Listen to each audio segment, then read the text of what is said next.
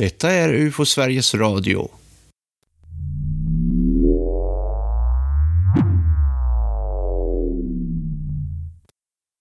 Idag ska vi ju prata om eh, ett av de allra mest uppmärksammade fallen som finns i UFO-historien får man väl säga. Det så kallade Travis Walton-fallet. Ett väldigt säreget fall, tycker du inte det Tobias? Jo, det tycker jag i allra högsta grad att det är. En eh, händelse som utspelade sig i Arizona. Närmare bestämt eh, Apache Sitgraves National Forest. Det är ett sånt här stort skogsområde. En jättestor nationalskog skulle man kunna säga. Ja, sådana här som de har lite varstans i USA. Det finns ju ganska många då. Där hände det ju en eh, väldigt uppmärksammad händelse den eh, 5 november 1975.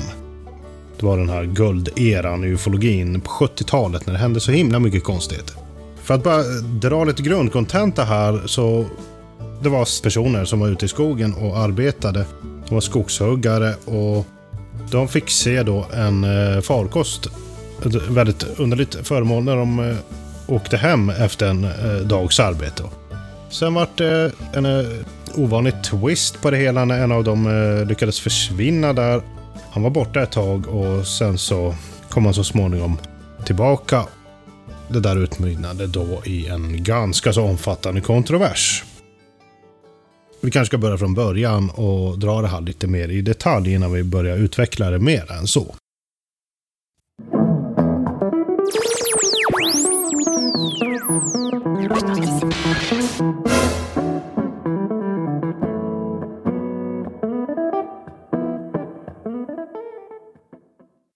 Det börjar ju med en grupp skogshuggare som du sa. Och det var det så att en, kille som heter Mike Rogers, han hade ett, fått kontrakt då på att rensa i skogen. För att rensa ut skogen, bland annat för att det inte skulle börja brinna. Eller så att elden hoppar om det blir skogsbrand. Den här Mike Rogers hade samlat ihop lite folk till sitt crew. De var sju stycken i hela gruppen.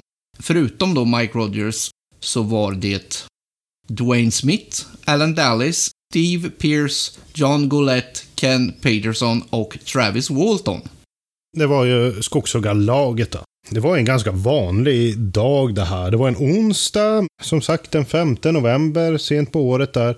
De hade jobbat väldigt långt fram på kvällen för att de hade lite pressat schema så va. De var tvungna att bli klara med det här arbetet inom, jag tror det var någon eller några veckor. De hade ju en tydlig deadline då de skulle vara klara. Precis, de hade ju fått det här uppdraget av De hade nog till och med fått lite förlängning på kontraktet för att bli färdiga. De hade fått eh, en periods förlängning, ja det stämmer. Så nu var det ju att jobba järnet, va? så att de hade jobbat från morgon till kväll.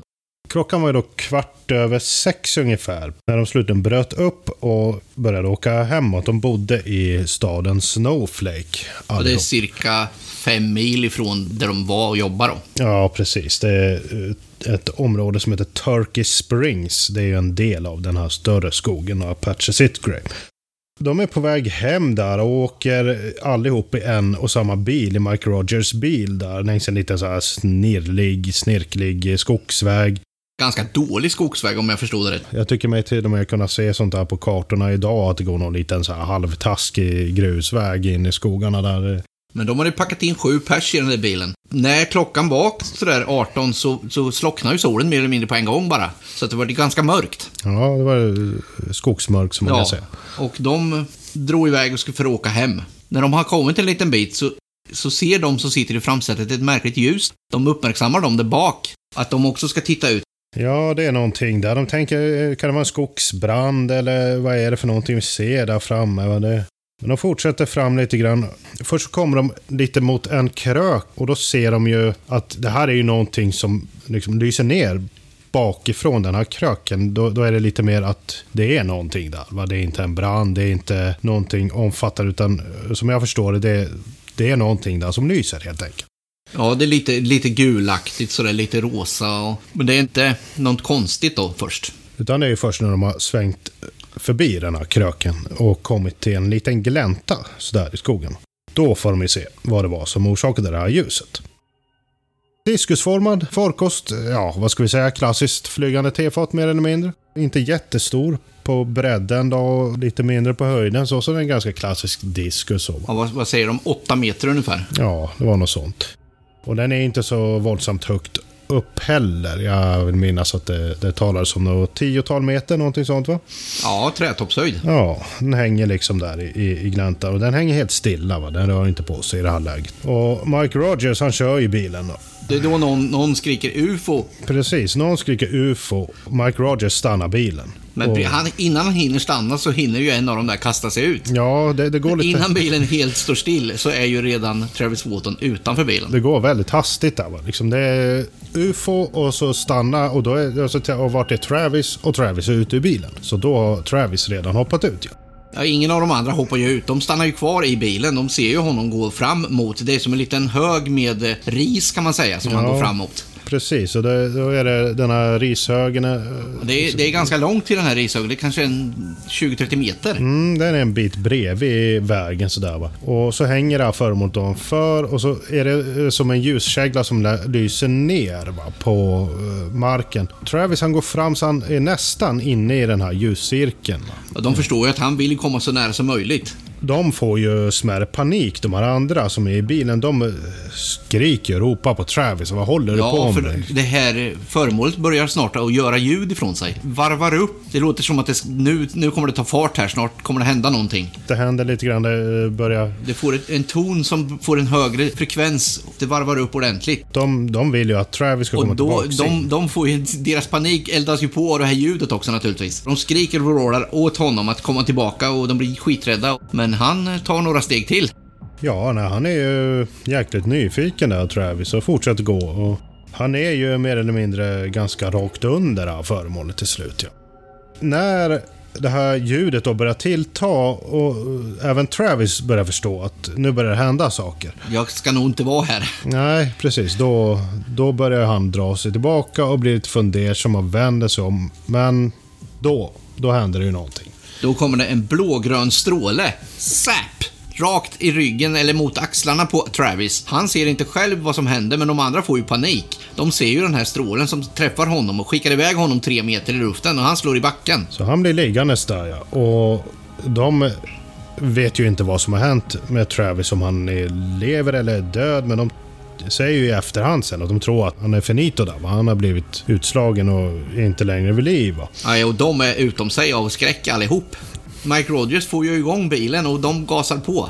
Och det är ju ganska brant där, de kör ut för den här vägen och de, det är alltså rally som gäller. Ja, det går undan där och jag vill minnas att han håller på att smälla in och... eh, Och de är nästan nere i diket flera gånger. visst. Och de är nära träd. De- Det är nästan så att det viner i backspegeln. De kör, jag vet inte hur länge är det de kör, men det är inte speciellt länge. Först de börjar att fundera på vad det är som har hänt och de, Ja. de stannar till.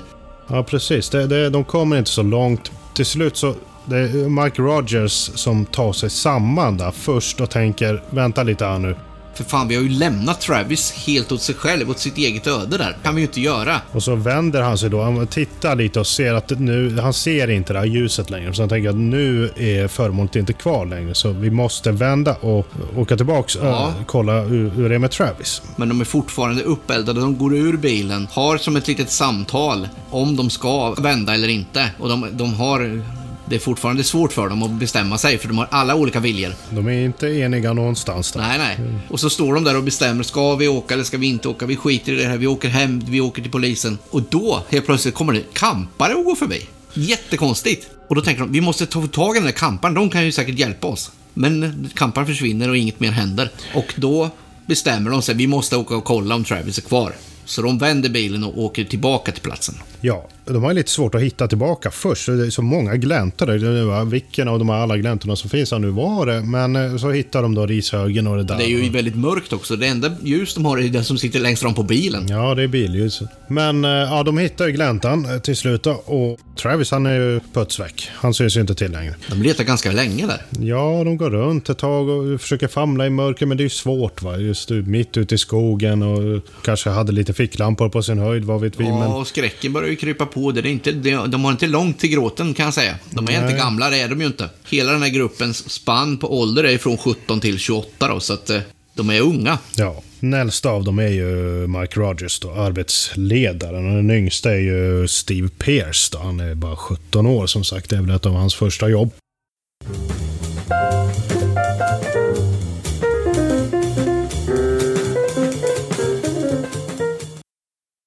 De åker ju sen in till stan då.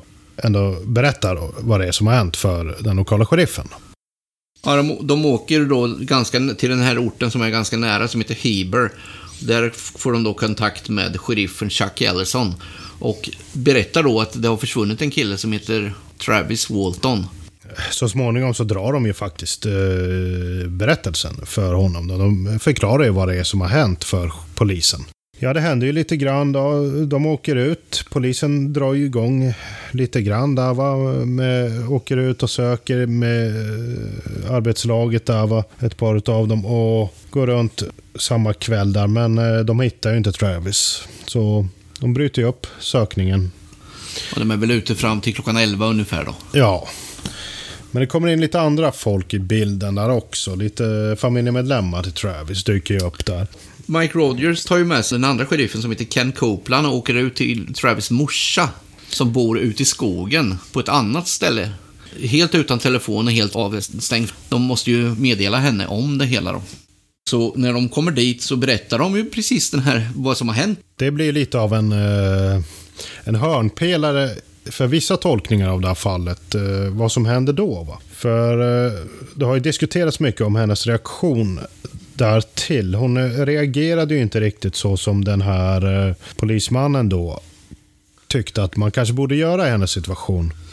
Hon... Han var lite förbluffad över hennes reaktioner, för den var så lugn. Den var så lugn, ja. Och hon, hon verkade inte vara alls lika tagen som exempelvis skogshuggarna och man kan tänka sig att andra skulle ha varit i en sån situation. Jag menar, hur ofta händer det att någon bankar på dörren mitt i natten och säger tyvärr, va, men din son har just blivit ombordtagen på en utomjordisk farkost som det uppenbarligen tolkades som. Det, det hör ju inte till vanligheterna. Så det, det vart ju lite eh, att han höjde på ögonbrynen där. Men eh, sen så kom ju Travis bror Dwayne Walton in i bilden också. Ja, de tar med sig modern till systern inne i den här staden som heter Snowflake, där de här skogshuggarna bor. Precis, ja. Och det är väl då de kontaktar Dwayne som bor i... Eh, ja, han bor i Glendale, Phoenix, en bra bit därifrån. Ja, det är väl mer än 10 mil ifrån väl? Ja, det är en bra bit åt sydväst där, så att det... Men han reagerar starkt och han kastar sig i bilen och åker hela natten för att komma till dem då. Men de hittar ju ingenting den där eh, natten då, under sökningen där. Så det övergår ju till eh, torsdagen då.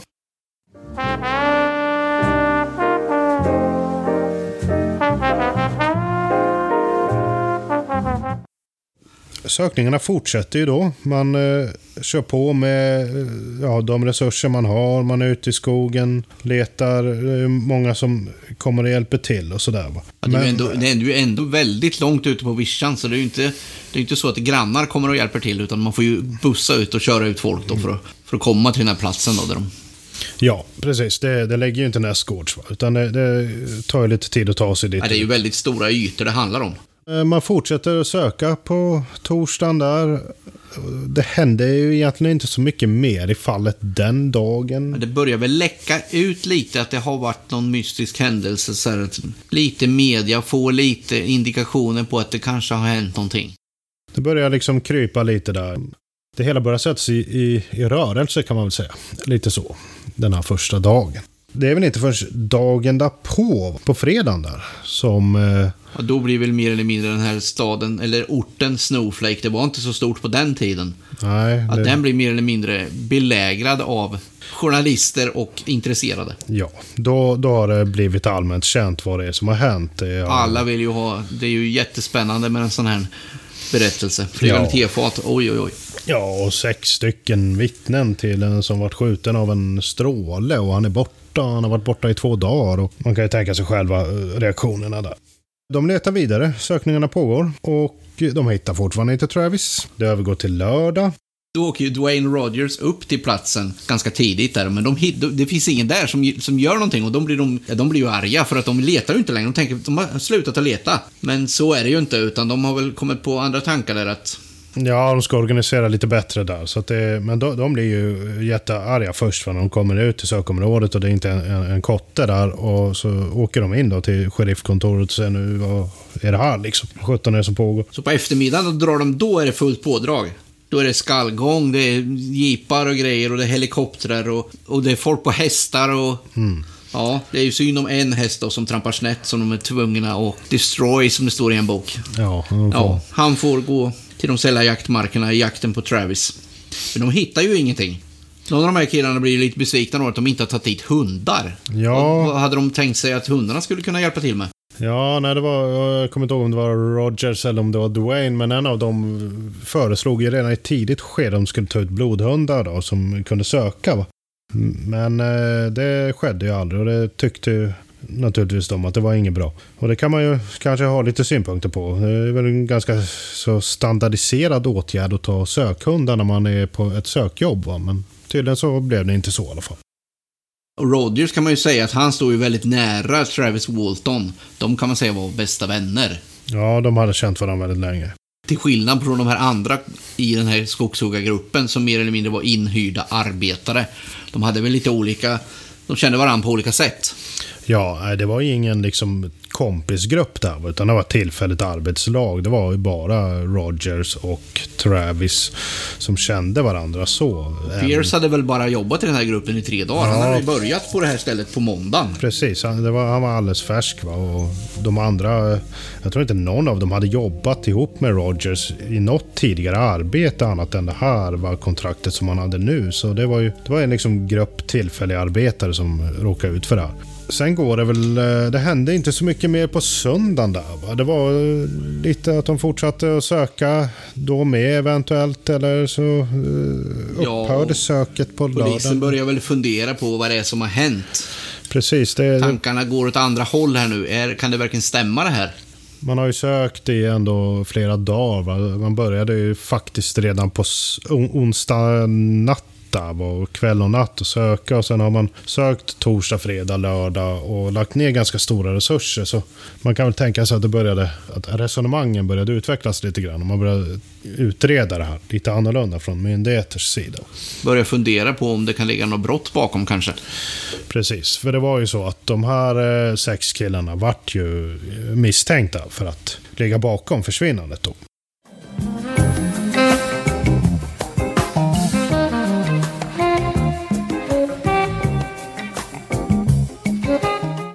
Närmare bestämt, man trodde att de hade tagit livet av Travis Walton. Det är väl en slutsats som jag själv kan ha synpunkter på. Jag tycker att den saknar all logik man bara kan tänka sig i världen. Vad, ska man tänka sig där? Att eh, sex stycken personer tar livet Ja, av en de skulle ju ha människa? konspirerat mot varandra. Alla de där skulle då ha haft något agg emot honom. Jo, och, sen, precis. och sen råkat, ja möjligen om, det, om de skulle komma till bråk då och sen råkat av olyckshändelse slå ihjäl honom. Ja, eller om det var eh, allihop, eller ett par, eller bara någon, eller att det vart liksom eh, i stundens hetta. Det jag reagerar på där, eh, kan jag bara inte låta bli att understryka, det är ju, man tänker sig att de skulle ha fört för eget resonemang. Jag menar, då har man alltså slagit ihjäl en person och så ska man då dölja det brottet. va. Och så sitter man där i grupp och tänker, hur ska vi nu komma på en jävligt bra cover story för, story för det här? Va? Ja, men vi måste hitta på någonting som, som låter trovärdigt, som, som får oss ur knipan. Och så är det någon som får en snilleblixt att jag har det. Nu vet jag vad vi ska säga. Vi ska säga att Travis Walton varit kidnappad av utomjordingar. Då är det ingen som kommer att misstänka oss för Om inblandning. i de bara tänker på utomjordingarna. Ja, ja, jag har alltid haft väldigt svårt för de där misstankarna. Men i alla fall, de vart misstänkta för att ligga bakom hans försvinnande. Och eh, på måndagen utvecklades ju saker och ting lite grann sen. För då, då gick det ju så pass långt att eh, poliserna insisterade på att eh, de skulle genomgå lögndetektortest då, de här sex personerna. Ja, de vill ju naturligtvis komma framåt själva. De, de tycker att det är för jävla jobbigt naturligtvis.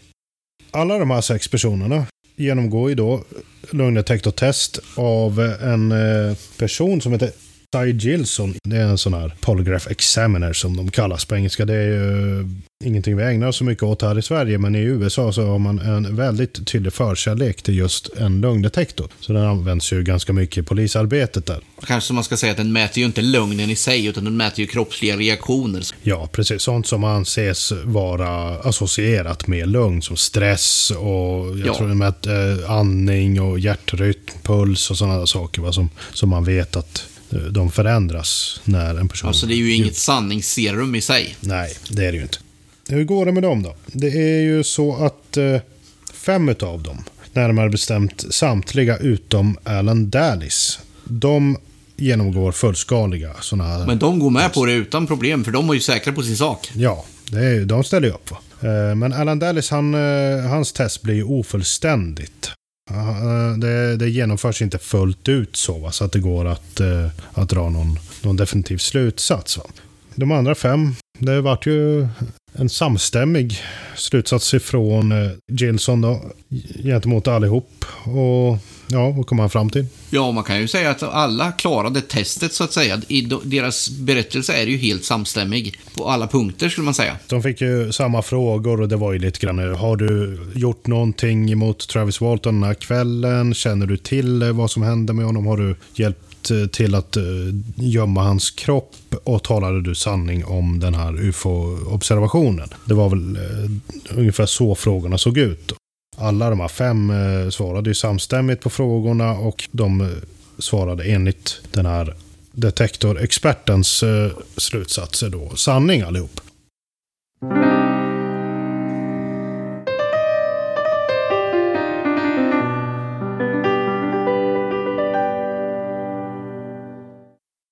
Framåt midnatt den femte kvällen, ja, så händer det ju någonting hos Travis syster. Hon är ju en av de få som har telefon på den här tiden då, i det här, ja, bland de här personerna som vi har pratat om. Förutom polisen då förstås. Så att eh, det är Travis som ringer. Och eh, de har ju inte fått... Det är ju inte få telefonsamtal under den här veckan de har fått alltså, utan det har ju ringt ganska konstant. Ja, det är Så. en massa... Så att eh, de räknar naturligtvis med att det är någon prank caller igen då. Någon som vill skämta eller driva med dem eller säga något dumt. Som alla de har gjort tidigare då. Så hon lämnar ju över telefonen till sin man, Grant Neff. Och han tror ju helt klart att det är någon som vill skoja igen då. Men då är det någon på andra sidan som säger att det är, ja, det är Travis Walton som ringer. Det är Travis... Nej, det tror jag inte på. Vi, vi sluta och skämta med oss. Vi orkar inte med det här längre. Ja, men det är det- sant, det är sant. Ja, det är Travis. Det är Travis Walton. Jag ringer från Heber. Jag är Heber. Ni måste komma och hämta mig, säger han. Han säger att han är vid en eh, bensinmack där utanför stan, eller utkanten av stan. Och I det där skedet lite grann, eh, han har sagt så mycket, det är väl där någonstans som... eh, Som han vänder och kanske ligger något i det här då. Så att Ja, De säger väl några ord till och sen går han ju med på det. Ja, vi kommer att hämta dig, vi kommer att hämta dig, säger han då. Så. då packar de in sig i bilen. Det, vilka var det? Det var Grant, det var systern också, va? som Mike och Dwayne, eller Mike. Nej, kom, det kommer jag inte faktiskt ihåg. Nej, men de de är några stycken. De åker iväg i alla fall till Heber där och då är det ungefär, ja jag att det är fyra mil dit. Och då hittar de då en trasig person som är Travis Walton i, i en av de här telefonhytterna. Han är, han är väldigt nedtagen. Eh, eh, de eh, tycker sig se på honom ganska omgående där att han har gått ner i vikt. Han är orakad så som han kunde förväntas ut efter fem dagar. Han bär samma kläder som han gjorde när han försvann. Det är någonting som har varit uppe lite för diskussion. För att det är ganska kallt även i Arizona på nätterna i november här. Va? Travis var inte klädd för att klara av det, det blir minusgrader på natten. Utan han skulle ha fryst ihjäl. Va? De packar in honom i bilen och så drar de iväg till, eh, till hans mamma. Precis, mitt ute i skogen där. De gör ju inte så himla mycket då. Travis Walton är väldigt törstig. Han dricker väldigt mycket. Har de ju nämnt här va. Och så tar han ett bad och han börjar ju prata lite grann där. Men han, de märker ju att han är som sagt väldigt medtagen. Väldigt medtagen. Han, han nämner lite fragmentariskt i bilen där om varelser och lite sånt där som han har varit med om.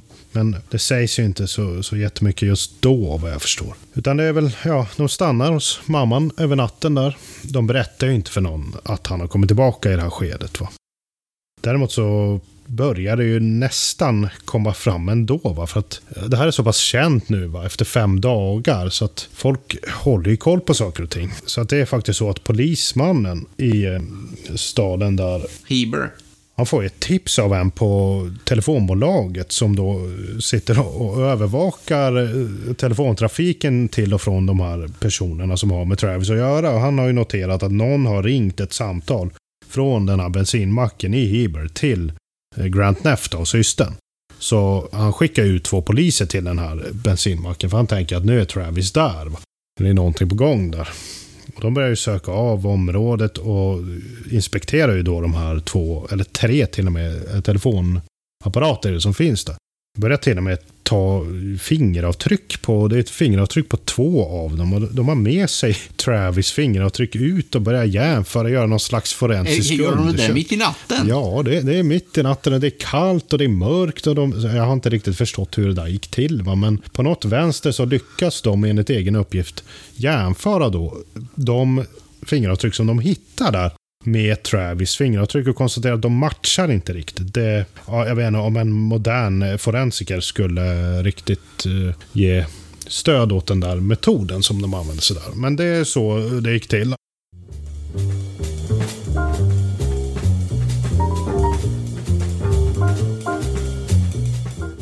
Han kommer tillbaka till verkligheten så att säga. Fem kilometer ifrån när han blir ombordtagen. Fem mil från sitt hem. Precis. Och min tanke är då, varför kommer man tillbaka till så, en så nära plats om man har varit ombordtagen i fem dagar? Är inte det en spännande fråga? Ja, det kan man ju reflektera lite över. Då kunde jag dumpat honom precis vart som helst. Eh, Han kunde ha hamnat liksom på Malta eller någonstans. Ja, jag har ju skrivit upp här. Det finns tre orter som jag skrev. Det var Kramerville i Sydafrika, Kramatorsk i Ukraina eller Kramfors i Sverige. Ja. Vad hade hänt med fallet om han hade hamnat där istället? Man kan ju fråga sig för det första, hur hade det utvecklats? Vad hade Travis gjort? Han hade förmodligen gått och frågat någon, vart är jag? Han hade ju svårligen kunnat ringa hem. Det hade ju varit knepigt, ja. För han hade ju faktiskt mynt i fickan som han kunde använda i den här telefonen när han ringde hem. Precis, men det får vi anta var amerikanska mynt. Och de hade ju inte Ja, kanske... de hade ju varken funkat i Sydafrika eller i Sverige. Det är naturligtvis spekulationer, men det är ändå... Ja, men vad kan man tänka sig att det hade... Ja, det hade väl tagit minst ett par dagar skulle jag kunna tänka mig innan han hade kunnat kontakta. Ja, hur skulle han kunna identifiera sig i ett land där språket inte ens funkar? Man får sammanfatta lite grann som så att eh, det gynnade honom väldigt mycket att han dök upp där han gjorde igen. Att han Ja. inte hamnade någon annanstans. Förmodligen ställer det mer frågor. Vad har han varit? Vart har han varit? Har han varit alldeles i närheten? Har han varit långt bort? Har han liksom färdats några större sträckor? Det är en intressant frågeställning, men man kan säga som så också att det här är ju ändå någonting som eh, följer, eh, man ska kalla det för ombordtagningsmönstret hyfsat väl. Det är sällsynt att folk eh, som då har upplevt de här ombordtagningarna är med om den på en position och sen dyker upp någon helt annanstans. Även om det faktiskt finns fall. Det finns som- exempel, jag kan väl nämna då Sydamerika. jag tänker också på Sydamerika. Där har man de här så kallade teleporteringsfallen. När någon försvinner i ena landsänden och dyker upp i nästa. Och då pratar vi... Flera hundra mil ja, bort. typ Brasilien som är stort som större än hela Europa mer eller mindre. Det är ett fullkomligt gigantiskt land. Äh, men det, det finns ju sådana exempel. Men äh, vi kan väl bara konstatera att det var till Travis fördel.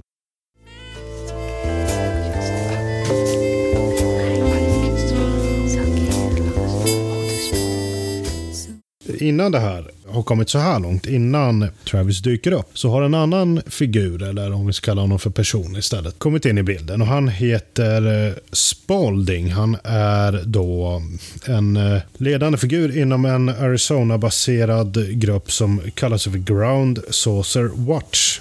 Det är en organisation som eh, till stor del har ägnat sig åt analyser av fotografier tidigare. De har väl gjort ganska bra grejer och ganska ansedda väl? Ja, de har analyserat eh, flera bilder av allehanda prylar, ufo-bilder, eh, bilder från Loch Ness och lite sånt där. Va? Så de, de hade hyfsat rykte av sig. Va? Och han hade ju då kontaktat, om det var Dwayne eller Rogers, någon av dem och gett sig till känna där och sagt att jag kan ställa upp med att eh, få en läkare och undersöka Travis va? om han dyker upp sådär. va. Så att hör gärna av er till mig. Och han eh, fanns ju i Phoenix då. Och, Där även brodern bodde. Precis, han bodde i Glendale. Det är ju som en, en liten Ja, för, del. för hans bror Dwayne Walton, han var ju mer eller mindre övertygad om att, att Travis kommer att komma tillbaka. Han sa ju det vid flera tillfällen där, att han, hade sin övertygelse om den saken och han försökte väl också förmedla det till mamman vad jag förstår, att han försökte lugna henne lite. Men det är okej, de dödar inte folk, de, de för tillbaka folk, han kommer tillbaka. De sätter sig då i bilen då. Travis och Dwayne, tidig morgon här, tisdag, dagen efter att han kommer tillbaka. Och så åker de till eh, Phoenix då. De åker hem till Dwayne en sväng först och sen så kontaktar de då eh, Spalding. Han säger det att det, det är okej, jag, jag ska fixa en läkare åt er. Det är då han hänvisar till den här Dr. Stewart som håller till på något suspekt motell visar det sig. Det, det får ju en lite eh, lustig vändning där. Va? De, de får en adress till något ställe, eh, ett hotell och det är nära någon flygplats och på och bullrar och... eh, Ja, det ser allmänt sunkigt ut och de åker upp till hans mottagning där och det verkar, det verkar inte stämma riktigt för det verkar, de ser inga medicinska grejer direkt så som man förväntar sig på en mottagning när han ska bli medicinskt undersökt. Nej, och det står ju någonting på dörren där. Hypnotherapist, någonting sånt. Det, då, då börjar de undra, vad, vad är det för läkare? Drar väl åt sig öronen lite där. Ja, de är där en stund i alla fall. Det har varit eh, lite diskussion om hur, just hur länge de är kvar där. Men han intervjuar eh, Travis och gör vissa undersökningar av honom och så vidare. Va? Den här Stewart, Dr. Stewart. Och de har blivit ganska så involverade i debatten och kontroversen i efterhand, de här två personerna, Spalding och Stewart. För de har ju gjort sitt ställningstagande därefter, eh, i efterhand där. De är hos, ska vi kalla honom läkaren, under en period där först. De tycker väl att de blir ganska illa behandlade efter en stund. Ja, det går inte som de hade tänkt sig. Det, Han får inte någon medicinsk undersökning. Det verkar inte... nej, han är ju ingen läkare den här personen. Va? Inte på det viset. Man har ju grävt i det sen, va? har man kom fram till att han hade någon slags... Eh, Ja, han hade förbud och allt möjligt. Det var jättekonstiga saker. Han fick inte utöva vanlig läkekonst i, Nej. i Arizona och sådana här saker. nej, han eh, hade någon slags examen från någon liten privat skolklinik. Va? Ja, det var väl inte ens något universitet. nej. Det fanns en anledning till att han inte jobbade på ett normalt sjukhus. Så de drar ju därifrån ganska kvickt. De sticker. och får sig lite käk och sen sticker de ju hem och barrikaderar sig hemma hos Dwayne då, som bor i utkanten av Phoenix.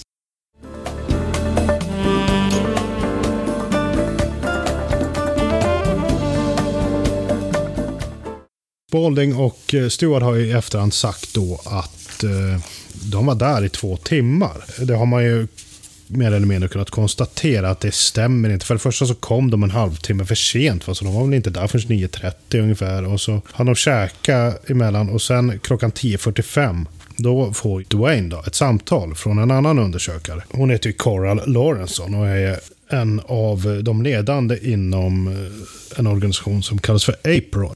Aerial Phenomena Research Organization. Det är en av de här stora organisationerna i USA på den tiden. Men även den organisationen är ju baserad i Tucson, Arizona. Så de har ju ganska nära till hands de också. Dagen går ju vidare där då. Men han får lite förtroende för henne när hon ringer där. För de vill ju fortfarande ha den här medicinska undersökningen. Men det är, i USA funkar det inte riktigt som i Sverige. Det kostar pengar där på ett Det annat kostar sätt. pengar Man och kan det inte bara sticka in på sjukan och få... ska ha din försäkring och sånt där. Ja. Ja. Men hon... eh, Hon lyckas ju ändå övertyga Dwayne om äh, att äh, de ska genomföra det här. De ska träffa Apros representanter. De har ju fått lite snedvriden syn på just ufologer efter den här taskiga erfarenheten med Spalding och Ground Source Watch. Kanske den här första ufologen som smög omkring utanför som hette Fred Sylvanus som hade någon lokal eh, organisation där i Arizona. Arizona Regional UFO Project. Det är inte riktigt någon jag känner till sådär.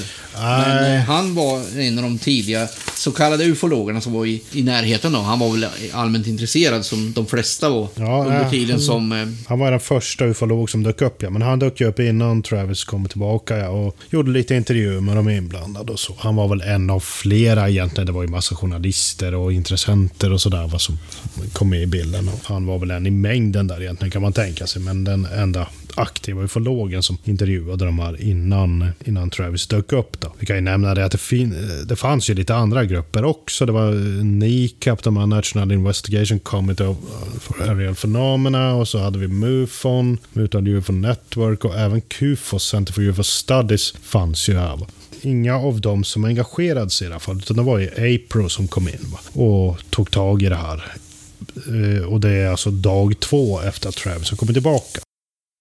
Det som händer då i alla fall är ju att eh, Coral hon lyckas övertala Dwayne och Walton att de ska ställa upp och senare samma dag då, så var vi 15-tiden där, så det är några timmar efter att de har varit i Phoenix. Då träffar de två representanter som ju också då är läkare. Riktiga läkare den här gången. De är riktiga läkare den här gången. APRO, de var ju en organisation som hade ganska mycket akademiker knutna till sig. Va? Så de hade ju läkare i sina led. Va? De träffas där senare vid 15-tiden. Då träffar de de här två. Doktor Salts och Dr. Candle. Ja, då går det väl lite bättre. Då, då genomförs ju en riktig läkarundersökning på Travis. Man eh, tar eh, prover, man kollar liksom vikten på honom och gör sådana standardundersökningar. lämnar väl urinprov, urinprov och så vidare och vidare. Precis. Ja. Men de här medicinska testerna som de här två läkarna gör, kan man dra några slutsatser av dem? Händer det någonting? Ja, alltså, han, han mådde väl förhållandevis bra. Va? Eh, det var inga konstigheter med honom så. Det var ju det där med vikten. Man har pratat om att han vägde eh, lite mindre efter de här dagarna. Gått ner flera kilo i vikt. Det vet man väl inte säkert.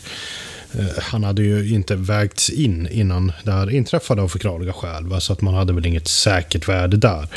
Men enligt eh, de som kände honom så hade han gått ner flera kilo.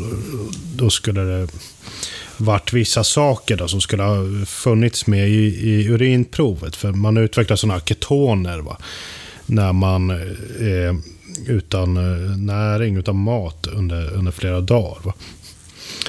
Och några sådana hittade man ju inte i, i urinprovet. Då. Så det talade ju för att han, eh, han hade inte alls gått ner i vikt på det viset. Han hade inte varit utan mat under den tiden. Men läkarna sa ju det då. Deras slutsats var ju att det här, det här kan inte vi riktigt förstå. Liksom. Dels så verkar han ha gått ner i vikt, men dels så saknas maketoner. Det går inte ihop liksom rent medicinskt. Så att det var lite förbryllande för dem. Men eh, Å andra sidan så ska man ju understryka det att Travis, vi kommer ju komma till hans berättelse här alldeles strax, men han minns ju faktiskt inte särskilt mycket av de här fem dagarna. Så att det finns ju ingen egentlig faktamässig grund för att säga att han var, hade varit utan mat under, under fem dagar i sträck. Det var en känsla som de som kände honom hade när han kom tillbaka, att han var magrare. Ja, precis. Han eh, Giuseppe, den här sheriffen. Gillespie. Gillespie kanske han heter. Mm. Eh, det var ju sheriffen där. Han, eh, han lyckades ju få nys om att Travis var tillbaka nu. Så han åkte ju dit då. Och... Men han hade börjat intressera sig för fallet på ett mer intressevis än som polis. Ja, han var ju engagerad Jag tänkte han åker nu. långt för att träffa honom vid sidan av. Precis, han åker till Phoenix och Ja. han jobbar ju inte där. Va? Så han, eh, han åker ju dit och åker hem till Dwayne och han sitter och pratar då med och intervjuar Travis och, och Dwayne. Och, Ja, Det är han som är lite besviken på att de, när, när de vill ha hjälp, då går de till polisen, men när han kommer tillbaka, då säger de inget till polisen. ja, precis. Det, det kan man väl kanske ha förståelse för. Man blir lite purken då. Ja, polisen la ju ändå ner en jädra massa pengar på att försöka hitta honom medan han var borta.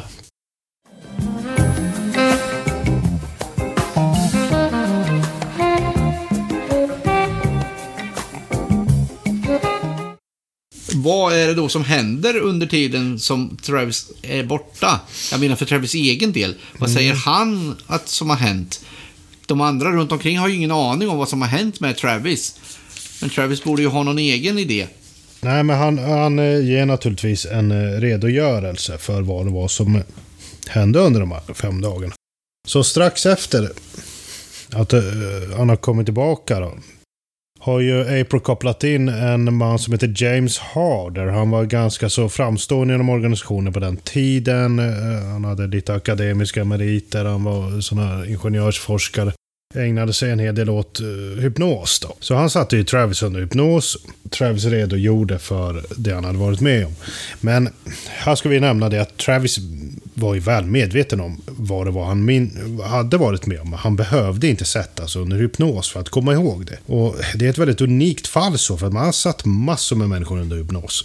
i sådana här sammanhang. Och de berättar mer eller mindre alltid då en ganska omfattande berättelse om vad det är som har hänt. Det har man ju till och med gjort med folk som inte har blivit ombordtagna. Så att uh, oavsett vad så brukar man kunna frambringa en berättelse och en hypnos. Men Travis berättar hela tiden samma redogörelse i vaket tillstånd som i hypnos som ju är lite halvavslappnat. Man ska inte tro att man ligger totalt i någon slags transläge. Nej, och det är ju heller inte den här underhållningshypnosen som vi ser på tv ibland. Nej.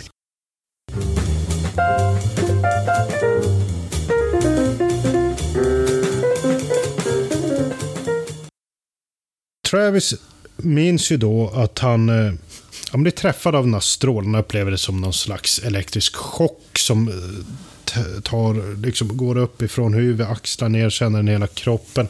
Och så slås han iväg och han minns inte mer sen. Ja, han ser ju inte själva smällen eller strålen själv. Nej. För han står ju med ryggen emot. Sen ja, får han ett slag, ungefär som att han får en, ett slag i ryggen. Ja. Och blir, åker iväg. Ja, han, han märker effekten av den, men han ser den inte själv. Men sen vaknar han upp då.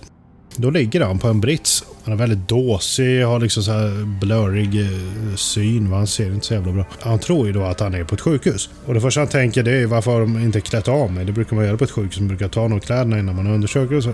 Hans syn då, den återhämtar sig ganska fort. Så han ser sig omkring och ser att det, det står några figurer där. Jag tror de är tre stycken runt om britsen. Det tar inte så lång tid innan han förstår att det här är inga människor som står där. Utan de är ganska små. Han beskriver dem som 4 to 5 feet och eh, ungefär 3 fot är ju eh, en meter då. De eh, är skalliga, de har ganska så stora huvuden. Humanoidform, ganska vanlig sån. Man har, man har grön liksom enplaggsdress på sig, overall. Stora huvuden, vita, ganska så stora brunaktiga ögon. Han säger väl att ögonen har mer brunt i sig än vitt. Ja, precis. De, de är, det är de som gör att det blir jobbigt, för att ögonen är så stora. Ögonen och de andra grejerna, typ öron, näsa och mun, är väldigt små i förhållande till ögonen eh, han kunde inte riktigt avgöra om, de var, om det var de andra detaljerna som var små eller om det bara var ögonen som var stora. Det blir lite att man får proportioner på det. De har st stora ögon jämförelsevis. Han jämför huvudena med, med huvudet på, på en nyfödd bebis. Liksom. Så det, de är ganska så avrundade men ändå lite... Ja, de är oproportionerliga ja. mot själva kroppen. Travis han eh, får ju lite panik där va, så han flyger ju upp. Han börjar vifta lite och börjar skrika och säga massa saker åt dem, men de reagerar inte på hans snack. Men uh, han knuffar ju till en utav dem och han åker ju baka. Va? De är väldigt lätta. Vad skriver han? 50 kilo kanske? Ja, han upplever det ju så. Att det är väldigt lätt att rubba dem här.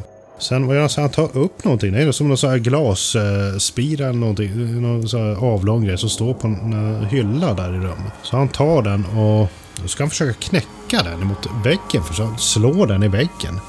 Ja, så här som folk gör när de ska knäcka toppen på en flaska för att använda som ett vasst vapen. Ja. Men eh, det går ju inget bra, den går ju inte sönder. Den verkar helt obrutbar.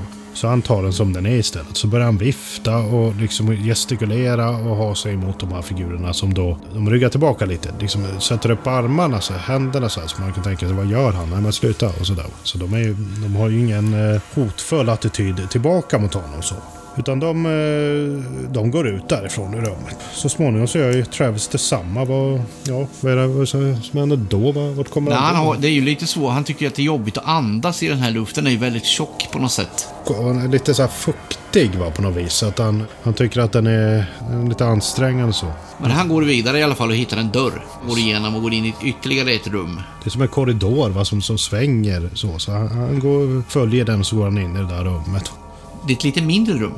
Längre bort ser han en stor fåtölj, eller som en jättestor, ja, som en stol. Och det, han blir ju lite skraj då, för han kan ju inte se om det sitter någon där. Han, han eh, smyger fram, han lutar sig lite mot väggen så här och smyger framåt.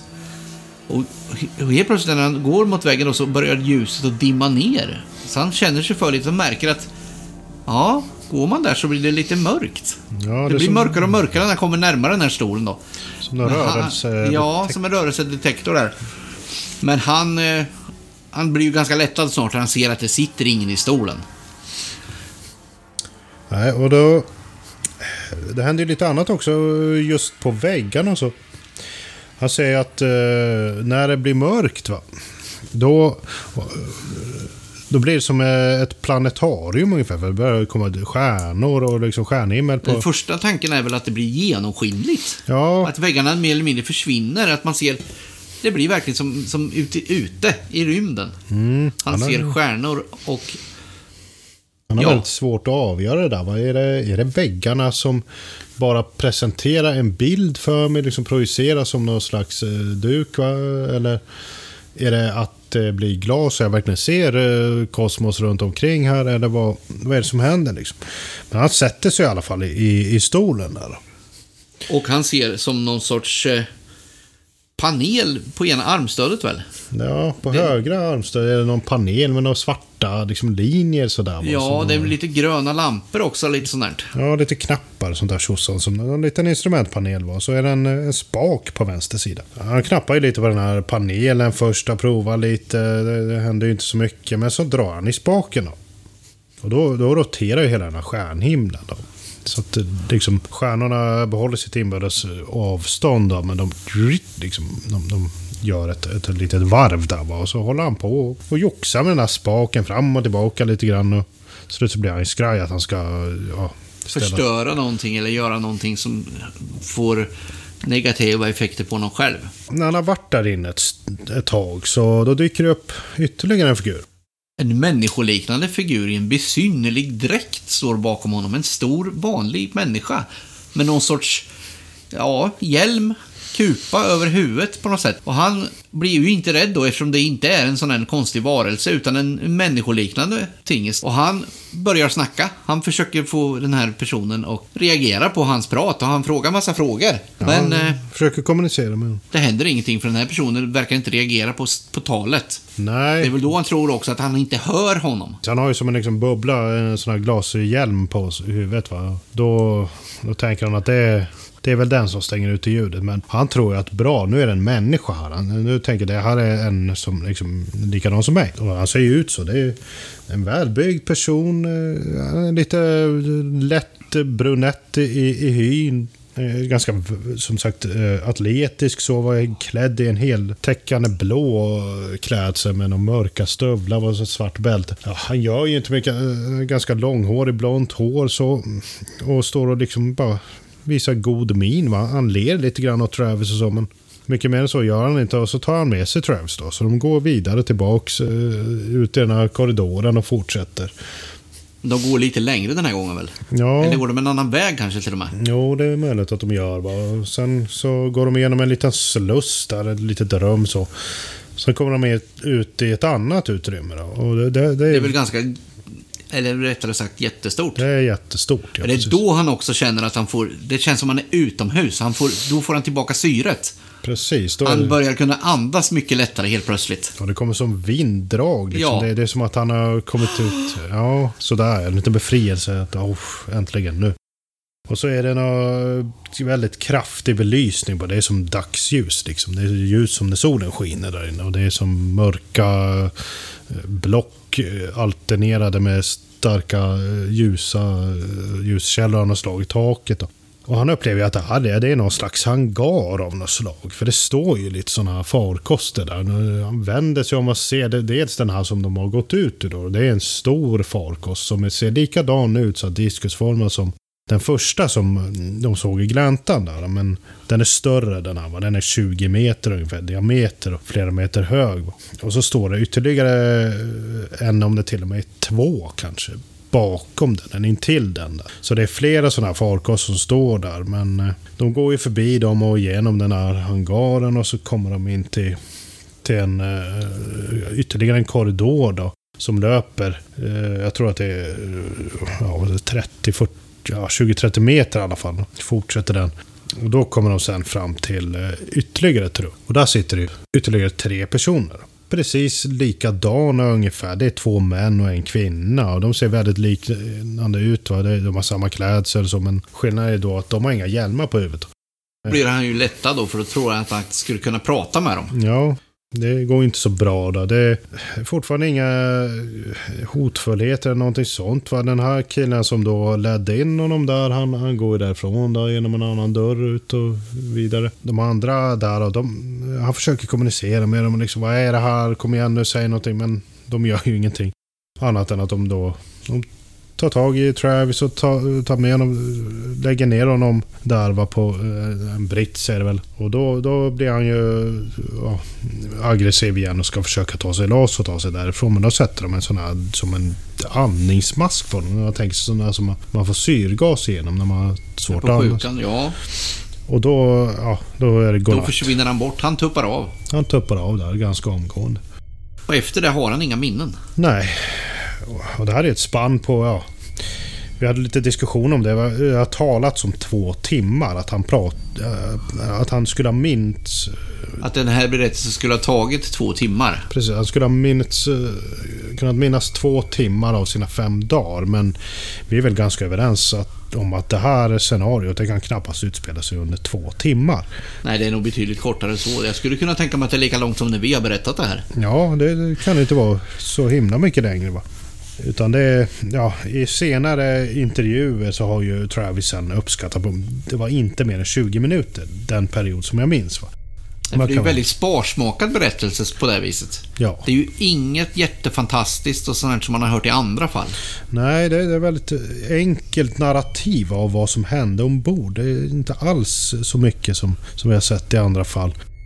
Eh, nästa sak som han minns efter att han har fått den här masken på huvudet det är att han ligger vid den här eh, bensinstationen. Va? Då är en av de här farkosterna intill honom där, eh, en bit ifrån. Den hänger precis över backen. Ja, han ser väl när den drar iväg. Ja, det är sist han ser det, vad den lyfter och sticker. Och sen så går han då fram till telefonautomaterna där och provar den första, den funkar inte. Han, Du är, du är lite panik. då blir han lite panikslagen att han inte ska kunna ringa hem. Men sen funkar ju nästa då, så då ringer han till, till sin syster där då. Och då är vi ju tillbaka i den här storyn.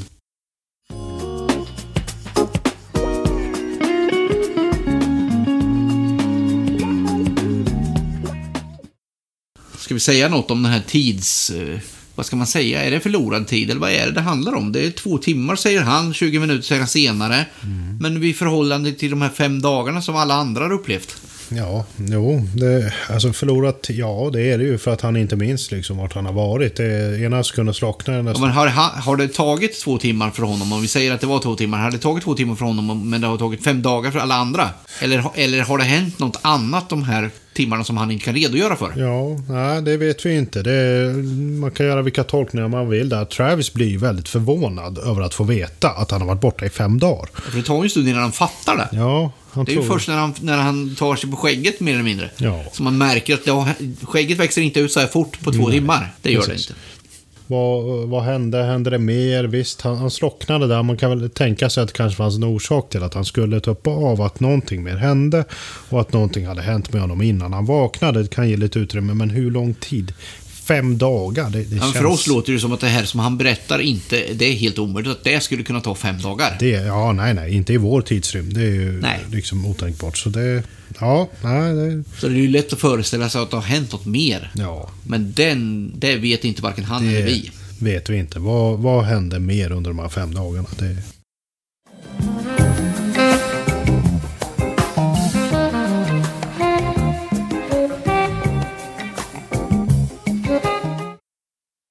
Ja, nej, det har ju fortsatt lite sen och man kan väl säga som så att här så tar ju kontroversen vid nu. Va? Det är ju som jag sa i början att Travis Walton-fallet det är ett oerhört kontroversiellt fall. Det har varit väldigt omdiskuterat. Det är den ena omständigheten efter den andra och så vidare. Och en av de här detaljerna som det har rått väldigt mycket diskussion om i efterhand det är ett lögndetektortest som Travis Walton genomgår den 15 november. Nu tio alltså- dagar efter att han har försvunnit. det genomförs av en man som heter John McCarthy och eh, han har ju varit eh, föremål för diskussion minst sagt. Det är ju så att April kopplade även in eh, tre stycken psykiatriker som kollade på, på Travis och undersökte honom. Och det hade ju redan innan varit diskussion om att han skulle genomgå ett lögndetektortest. Eh, polisen ville att han skulle göra det och det var på väg att bli av men så fick media nys om det hela och det ville inte längre Walton-bröderna att, att de skulle ha med saken att göra för de var trötta på media. Men då, då trodde de att polisen hade kopplat in media. Det hade de inte gjort. De eh, vart egentligen förföljda av media kan man säga. Eh, så då avblåste de allting. Men sen var det då National Enquirer som eh, Apro hade kopplat in. För att de hade ju slutit en deal med Apro. Om ni bara ger oss rättigheterna till den här storyn så kommer vi betala precis allting. Och eh, Apro, en ideell organisation, kunde ju knappast mäta sig pengamässigt med en sån tidning, va? en sensationstidning. Så att de gick med på det. Och det är det svårt inte... att säga nej om någon vill betala. Ja, de ville betala, var beredda att betala precis allting. Så att det, ja, det var väl lite lockande helt enkelt. De kopplar in den här eh, lögndetektorpersonen, John McCarthy. Och de här tre psykiatrikerna har ju sagt då att det är meningslöst att göra ett sånt här test på Trent. Han är alldeles för, i alldeles för dåligt skick. Du kan inte få ett bra resultat med honom i ett lögndetektortest nu. Det spelar ingen roll vad, vad du gör. Liksom. Men de insisterade på att det, det, det, måste göras. Och så ringer då eh, Jim Lawrenson, Cora Lawrensons man, också ledande figur i April, upp till den här eh, McCarthy då, John McCarthy, lögndetektorkillen och förklarar läget. Men han försäkrar då att ja, men jag, ska, jag kommer ta hänsyn till, till Waltons eh, tillstånd. Jag ska ta, ha det i åtanke när, när jag avgör om han har talat sanning eller ej. Men eh, summa summarum, det går inte så bra hos den här lögndetektorkillen.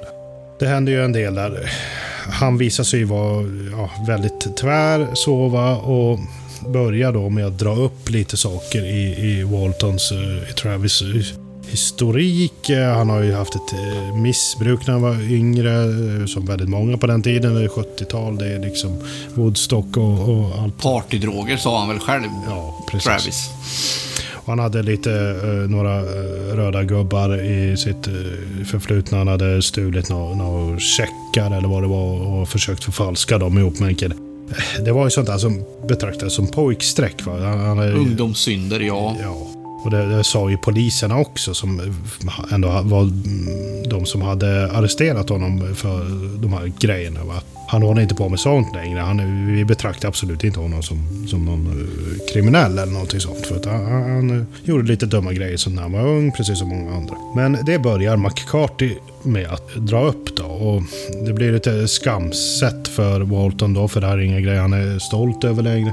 Sen så kör man då det här lögndetektortestet. Det, det händer ju saker och ting under det som eh, får eh, flera personer att reagera. Bland annat så eh, säger ju han, den här McCarthy, en del saker som visar på att han, han har en väldigt negativ, nästan aggressiv inställning va, till, till Walton. Och han har ju anklagats i efterhand för att ha skräddarsytt det här testet för att eh, Walton skulle misslyckas och så vidare. Han brister ju ut vid ett tillfälle under det här testet när Walton inte svarar ja eller nej på en fråga utan uh, frågar vad menar du? Eller han undrar har du liksom konspirerat ihop med andra för att göra det här ungefär? Då, då blir han väldigt förbannad och säger ja, men det konspirera betyder att man, man jobbar ihop med andra precis som du gjorde när du stal de där checkarna och begick det där bedrägeriförsöket. Så det, han har fått väldigt mycket kritik för hur han skötte det här testet i efterhand, McCarthy. Men i alla fall, hans slutsats blev då att eh, Walton ljög. Han talade inte sanning och hans slutsats blev att UFO-berättelsen var en, en bluff. Det här testet sågades fullständigt av de här tre psykiatrikerna i efterhand. De eh, sa något helt annat. De sa att eh, eh, Walton talar sanning. En av de här var ju en kvinna då som var ganska välkänd och välansedd psykiatriker. Hon brukade vittna i, i, i rättegångar och sånt där. Eh, de trodde inte alls på McCarthy. De sa att Walton var inte eh, i psykiskt skick för att genomföra det här. Det, eh, vi underkänner och sågar hans tester helt och hållet. De trodde dock inte att han hade blivit omhändertagen på en utomjordisk farkost. De trodde han hade varit med om någon slags psykotisk upplevelse. Så. Det testet kom ju att prägla, ja, ska vi säga, skeptikersidan i efterhand. De tog ju... naturligtvis fasta på det eftersom det gick åt helvete mer eller mindre. Ja, det gick i deras riktning om man säger så.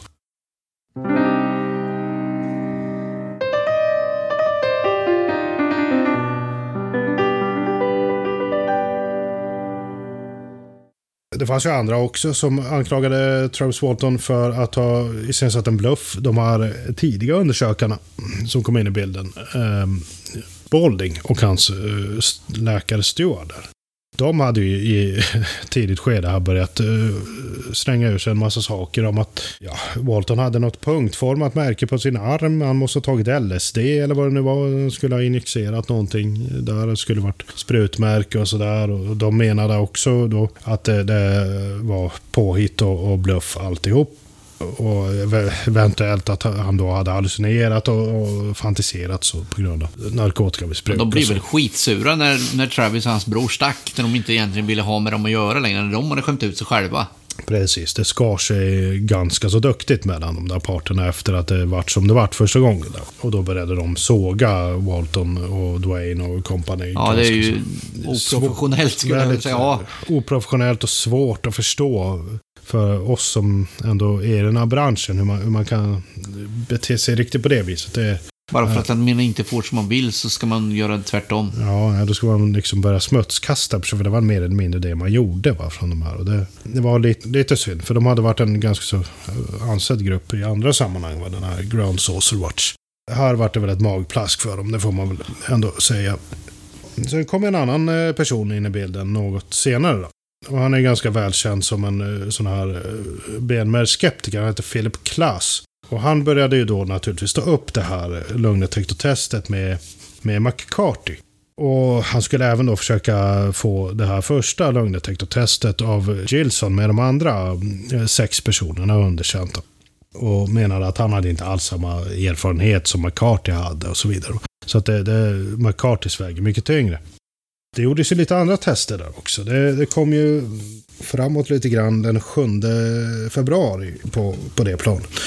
För då gjorde en ny lögndetektoranalytiker eh, som heter George Pfeiffer och nu är vi inne på nästa år, alltså 1976. Då hade ju verkligen Travis hunnit att bli sig själv igen. Ja, då, då hade han ju inte några, några trauma kvar, eller han var ju inte trasig som han var vid första försöket. Nej, och då skulle huvudsakligen Dwayne testas då, för man var tveksam till om Travis skulle lyckas ta sig dit. Han hade med bilen som inte funkar, men han lyckades komma i alla fall. Man testade både Travis och Dwayne eh, faktiskt även mamman då. Som man då också hade implikerat lite i det här. Man misstänkte att hon kanske hade känt till vart Travis var och eventuellt även gömt honom ja, ute i, i, i stugan i skogen där hon bor. Men de, eh, de klarade det testet då. Travis, Dwayne och eh, moden, Mary Walton Kellety. De klarade testet allihop och talade sanning enligt eh, den här nya analytikern då, Pfeiffer. Så att då stod man där med ett eh, väldigt omdiskuterat första negativt resultat för Travis och ett senare positivt för både Travis, Dwayne och moden. Så att det, det, var väldigt mycket karuseller med just de där lugndetektortesterna. Men sen vart det ju andra argument från skeptikernas sida. Det var mycket diskussioner om det här kontraktet som Mike Rogers hade då. Och man menade att han, han skulle inte hunnit klart med sitt skogshuggarkontrakt och då skulle han ha använt den här UFO-historien för att införliva någon slags undantag som var juridiskt möjligt för att kunna bryta det här kontraktet. Va? Han ville inte misslyckas med det så att han skulle bli svart. Force majeure.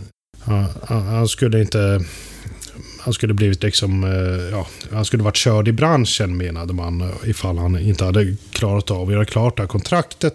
Och han hade då använt den här eh, historien som en ursäkt för att ha en giltig anledning att inte göra klart kontraktet. Även det låter för mig fullständigt absurt. Det är samma sak som med mordmisstankarna. Man sitter där och ska komma på en bra anledning till att man ska eh, ja, få giltiga skäl då till att eh, inte fullfölja kontraktet. Och man kan alltså inte komma på någonting bättre än att den ena ska dels då ha blivit kidnappad och Hålls borta av utomjordingar i fem dagar. Han måste även hålla sig borta. Så att det, ja, det skulle vara en ganska omständig väg att gå. Va? Men hur som helst, det försökte man spela på. Det här har man ju undersökt va? och man har ju eh, i mångt och mycket kunnat falsifiera den teorin. Det har ju visat sig att eh, för det första Mike Rogers hade flera andra projekt, kontrakt som han bedrev samtidigt. De eh, gav honom eh, nog med ekonomisk vinning. Han var inte beroende av det här kontraktet han hade med skogsförvaltningen. För det andra, eh, han hade sagt upp kontrakt eller misslyckats med kontrakt tidigare. Det är ingenting som var förödande för någon i branschen. Det var ju någon som tog över det här kontraktet efteråt och de, de hade ju inga problem att göra färdigt det ungefär rätt tid. Så det var ju absolut inget konstigt på det viset. Nej, så att det där är ju en total överdrift. Man intervjuade ju både Mike Rogers och de här inom skogsförvaltningen som då hade tecknat kontraktet med honom. Och de betecknade ju de där teorierna som fullkomligt absurda. Att någon skulle se så allvarligt på att man inte hinner klart med ett kontrakt i, tri, i tid. Det, nej, det, det var inte att tänka på. Så den, den teorin kan väl slopas mer eller mindre. Ja, sen pekade man på mycket annat. Va? Det var det här eh, att eh, Dwayne och Walton hade haft ett tidigare ufo-intresse. Och så pekade man på fysiska spåren och avsaknad av dem.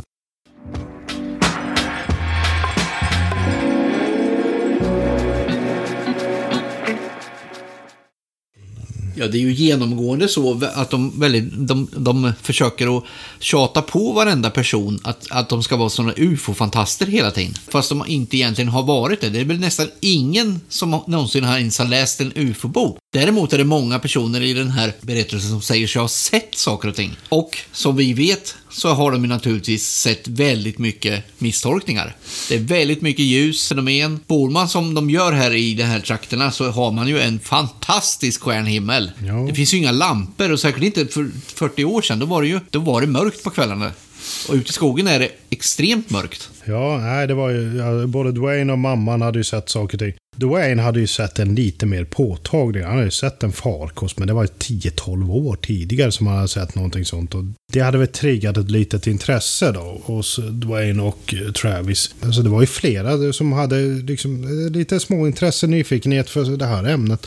Det var ju till och med flera av de här poliserna som sa sig ha sett saker och ting. Så det var ju inga konstigheter i sig. En sak som däremot väckte ganska så mycket uppmärksamhet och som är lite betänkvärt, det är ju en sak som Dwayne sa var i ett tidigt skede och det är det här med att han och Travis hade diskuterat vad de skulle göra ifall de någonsin fick se ett UFO. För det hade de gjort med varandra, det, det bekräftar de de hade ju sagt då att om vi nu någonsin får se något sånt här, då ska vi ta så nära den här farkosten som möjligt. Sammanfattningsvis det sades lite mer så, men det som var kontentan det var att ganska exakt det som hände Travis, det var vad Dwayne och Travis hade diskuterat innan. Att om vi får se ett UFO, då ska vi göra så här. Och det var precis vad som hände.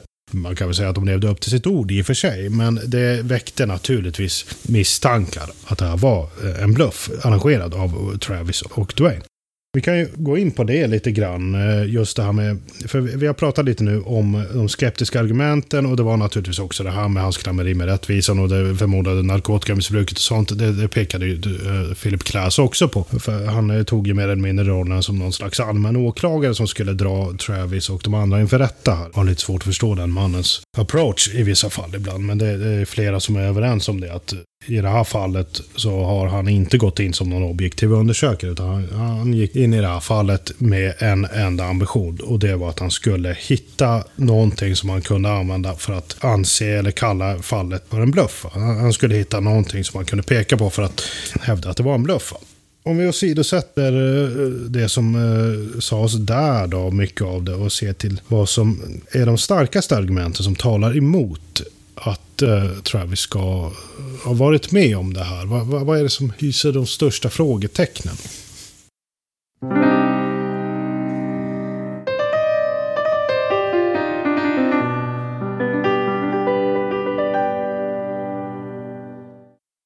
har vi tagit det här med Philip Klass. Om man eh, tänker bort honom, vad är det då de reella skeptiska argumenten? Ja. Eller kan man säga skeptiska i det här fallet? Eh, Philip Glass tog upp väldigt mycket, som sagt. Eh, och ärligt talat, mycket av det kan åsidosättas som eh, ren smutskastning. För det var banne med sånt han ägnade sig åt i det här fallet. Men eh, det finns ju lite saker som ändå eh, orsakar genuina frågetecken. Och ja, vad ska man säga då? Vi har ju några detaljer där va. Ett, det som vi nyss sa här. Det här med att Dwayne och Travis Walton tidigare har kommit överens om att de ska göra precis det som händer. Självfallet så är det en aning suspekt. Va? Det går ju inte att kringgå. det får en ju att tro att de, de skulle kunna ha arrangerat det. här Va? Men då återstår ju frågan, vad var det de andra såg? Va? Och hur arrangerar man det här? Vad skulle de eh, ha varit tal om att de skulle skickat upp någon upplyst ballong och lite sånt där? Va? Det, ja, det, det är långt ifrån eh, belagt att det är så. Va? Men självfallet ett frågetecken och det är väl sånt man kan koncentrera sig lite på. Avsaknaden av ketonesen i, i urinen. Det, det väcker ju också en fråga. Eh, har han, hur han klarat sig när han har varit borta utan att liksom vara utan mat och sånt i sådana fall. Va? Det, men samtidigt, vi vet inte riktigt hur det var på den punkten. Det är ändå tecken på att han hade gått ner i vikt. Va? Men man kan ju tänka sig att han hade intagit någon form av föda, va? så att han ändå hade sluppit den här ketones-utvecklingen. Ja, och sen har man ju pekat på det där med att det finns en avsaknad av fysiska spår. Ja, Möjligen att man kan eh, titta lite på Jag tycker att det är väldigt svårt att avgöra. Alltså man pratar om att det var väldigt torrt på backen. Det låg eh, spridda grenar och sånt. De skulle ha, ha brutits och det skulle varit tydligt liksom där Travis hade åkt i backen och det var inga blåmärken och grejer på honom. Men ja, jag vet inte. Jag, jag, tycker samtidigt att det där är, det är väldigt lösaktiga argument. Det är som att... Man fiskar efter någonting för att hitta någonting. För att få något att greppa på. För ja, lite grann. Jag menar, om någon åker i backen, men man rör väl runt på vegetation. Jag menar, den ena kvisten kan hamna där, den andra där. Det är, det är säkert att man bryter och att det inte liksom är tydligt. Det, menar, I en terräng så, det tycker jag blir lite... väldigt svårt att, att hävda att det skulle vara så. Och likadant det här med blåmärken och sånt. Jag menar, Travis själv argumenterar för att han hade jacka och tröja på sig. Så han skulle inte nödvändigtvis ha skurit sig och så. Dessutom tog fem dagar. Va? Det kan ju ha läkt lite grann under den tiden. Så det, ja. Ja, det, det finns lite sådana där lösa trådar, lite frågetecken, tveksamheter. Självfallet, man har lögndetektortestet med McCarthy, men om ni frågar mig så är inte det värt särskilt mycket alls. Det, det, var kraftigt vinklat. Det var eh, dessutom influerat av, av Travis tillstånd vid tiden. Så det, det kan man nog åsidosätta. Sen ska jag vara eh, uppriktig och säga, jag är inte någon som är övertygad om lungdetektortestens funktion överhuvudtaget. Det finns mycket tveksamheter, mycket kritik, ifrågasättanden om de där. Det är väl mest i USA som de är så här Men de används ju inte i Sverige. Nej, Nej då gör, och det är väl av en anledning naturligtvis. Ja, och även i USA så får man inte använda lögndetektortest som bevis i en rättegång. Utan de får ju bara använda sig i polisutredningen.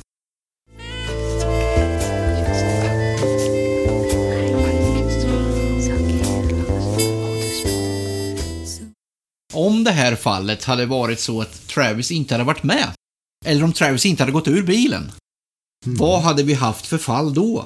Ett helt annat fall. Alltså det... Men vi hade haft ett jävla bra fall. Vi hade haft ett jätteintressant fall. Alltså det är ju så.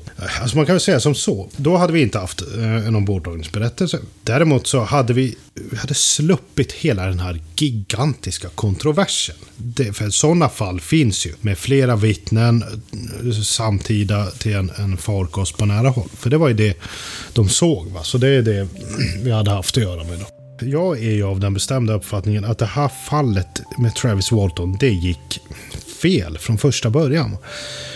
Eh, och eh, jag ska inte påstå att man kan förvänta sig något annat när det är eh, sådana här omständigheter. Men, men det blir polisinblandning och misstankar om mord och så. Visst, det är oundvikligt så. Så att en viss kontrovers, ja, den kommer att uppstå. Men ja, jag är ju väldigt kritisk exempelvis till de här killarna i Phoenix och Ground Saucer Watch som gjorde som de gjorde. För där vart det, det, det första initiativet efter att Walton är tillbaka. Det blir fel och det präglar mycket av den debatt som, som uppstår efteråt. Och det, folk i, eh, undersökare i branschen, Jerome Clark exempelvis, eh, representant för Center for UFO Studies, har ju sammanställt och undersökt, eh, studerat det här fallet, gjort en, en väldigt omfattande redogörelse för hela fallet. Ser man till den exempelvis så verkar det som att det, det, var totalt överflödigt det som skedde där. Det hade man lika gärna kunnat vara utan det som hände i Phoenix först. Va? Det bidrog bara till en enda sak och det var osämja och omotiverade anklagelser. Det bara gynnade debatten i ett senare skede. Va? Och det, det är inte det man vill ha. Va? Hade vi haft bara en observation, sju stycken vittnen eller sex, om man nu exkluderar Walton också för den sakens skull, så hade det varit ett väldigt intressant fall utan efterföljande kontrovers. Det är väl så man kan, man kan sammanfatta det hela skulle jag säga. Men vad hade vi haft då? Hade vi suttit här och gjort en podd om det fallet? Ja, det är väl ganska tveksamt. Va? Det, hade ju inte stått, stått ut i mängden på samma sätt alls. Det hade varit en intressant fall, ett, en intressant rapport, men inte unik på det, det vi har nu. Det här med Travis, det är ju unikt. Det finns ju inget fall som är på samma sätt. Så är det ju faktiskt. Det saknar ju motstycke i historien. Men vad är det som har gjort fallet stort? Är det kontroverserna eller är det fallet i sig? Är det hans ombordtagning eller är det observationen som sådan? Ja, jag skulle nog säga att det som har gjort att det har blivit som det har blivit, både vuxit till de proportioner som det har gjort och fått en kontrovers och debatt om sig, det är omständigheterna. Det är sex stycken vittnen utöver Travis. Och till en sån här grej, va? Eh, väldigt nära ett föremål. Han träffas, det är liksom ett fysiskt, en fysisk omständighet redan där. Han försvinner, han är borta i fem dagar. Det, ja, det saknar motstycke som sagt. Och eh, Alltså det är ju så här va, att eh, som jag ser det i det här fallet till stor del, så det, det, finns bara två alternativ. Antingen så var det här en medveten bluff och det är i sådana fall en väldigt komplex sådan. Och extremt ja. skulle man ju säga. Och vi, vi, har inte förstått hur den har gått till idag i sådana fall. Det finns de som har försökt inbilla sig själva att de har gjort det. Philip Klass och, och denna Spalding och en del andra också. Och de verkar ha gjort det i affekt för att komma till sitt mål som de redan har stockat ut för långt tidigare. Så skulle jag också vilja kalla det. Är det här en bluff? Vilket vi givetvis inte kan utesluta då, då förstår inte vi hur den har gått till. Vi har inte fått klarhet i vad som har hänt, vem som ligger bakom vad och vad som egentligen hände. Och vad skulle då vinsten vara med en bluff? Ja, ja, det är svårt att se. De hade ju ingenting att få ut på det här. Visst, Travis skrev en bok, men det är ganska många som har gjort det. De... Ja, men han är ju knappast ha blivit rik på den boken. Nej, det blev han ju inte. Och jag menar, de andra som var med. Man har ju pekat på det också, att Mike Rogers, han startade ju ett nytt kontrakt kort efter att han hade avslutat det här kontraktet. Och då tog han in nytt folk. Han tog ju inte in de här andra som hade varit med och sett den här grejen. Han tog bara in Travis. Så de vart ju lottlösa därefter. Och, men skulle de fortfarande skyddat honom efter det? Va? det varför skulle inte de gått ut och sabbat för honom då? Det, han vände ju dem ryggen. Nej, de hade ju verkligen inget att förlora. Nej, det var ju... Han Alan Daly som ju hade lite klammeri med rättvisan. Han, han erkände ju flera grejer som han hade gjort sen. Han hade haft problem med narkotika och lite, var lite våldsbrott också och sånt. Stod lite i finkan och så? Det har man ju också pekat på att han, han erkände flera grejer som han eh, hade eh, gjort flera snedsteg så va. Men han eh, stod hela tiden fast vid att det här, det var band med sant. Det hade de varit med om.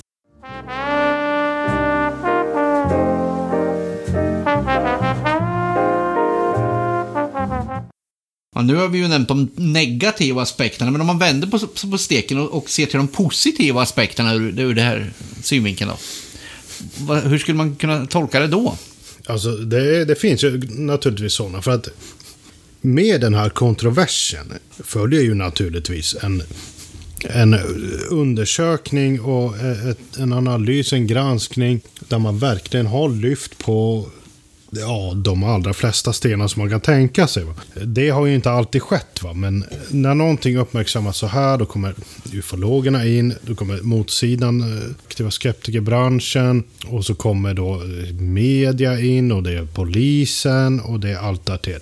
Alla ska göra sin egen granskning, alla ska göra sina eh, egna undersökningar och så. Va? De lyfter på olika stenar allihop. Så att det blir ett väldigt väl undersökt fall.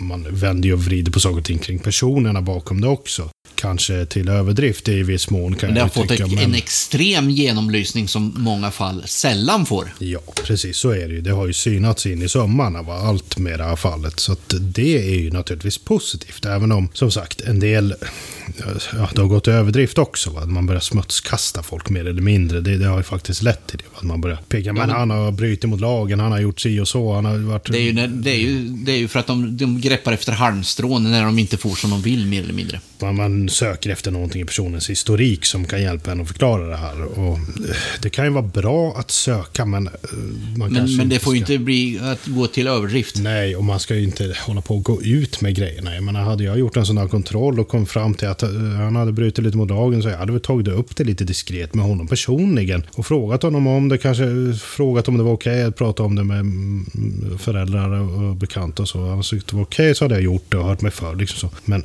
det hade ju stannat Man hade där. ju inte fläckt ut hela personens liv naturligtvis. Nej, det så gör man inte. Det finns ju etiska begränsningar.